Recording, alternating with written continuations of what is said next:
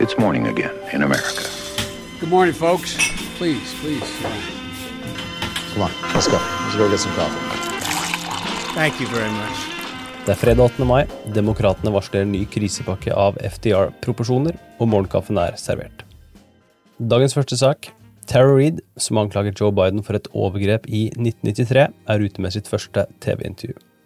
Reid har snakket med den tidligere Fox News-stjernen Megan Kelly, og du skal høre et utdrag her. If he's watching this, what do mm-hmm. you want to say to him?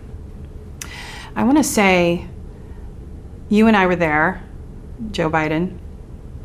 Please step forward and be held accountable. You should not be running on character for the President of the United States. You want him to withdraw. I wish he would. But he won't, but I wish he would. That's how I feel emotionally. Do you want an apology? I think it's a little late.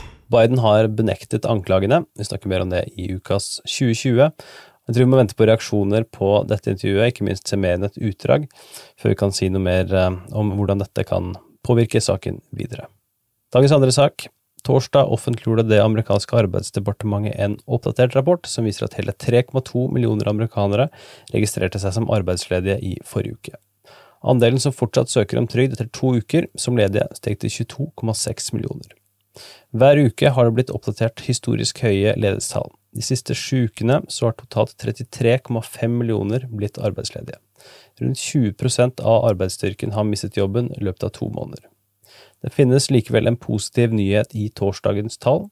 Dette er, utrolig nok, det laveste antallet nye ledige siden koronakrisen rammet USA for alvor. Dagens tredje sak. Det amerikanske justisdepartementet har henlagt straffesaken mot Donald Trumps første nasjonale sikkerhetsrådgiver, nemlig Michael Flynn. Beslutningen kommer etter at presidenten og hans støttespillere har kritisert straffesaken i harde ordelag.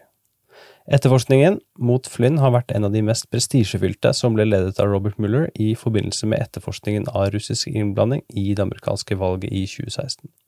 Flynn erklærte seg skyldig i 2017 for å ha løyet til FBI om sin kontakt med den daværende russiske ambassadøren til USA, Sergej Kislyak.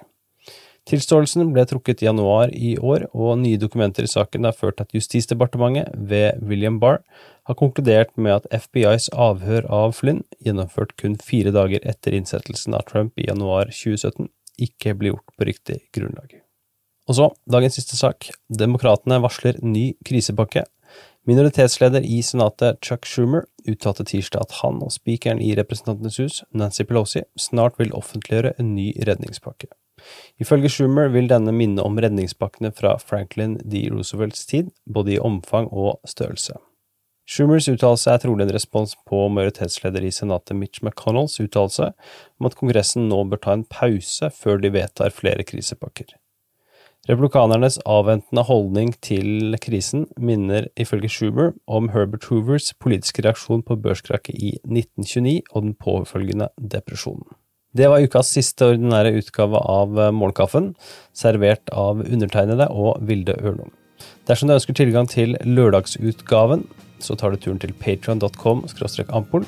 Og så håper jeg du har fått med deg ukas 2020, der vi snakker om den nevnte Tara Reed-saken, samt en mulig visepresidentkandidat for Joe Biden, nemlig Gretchen Whitmer.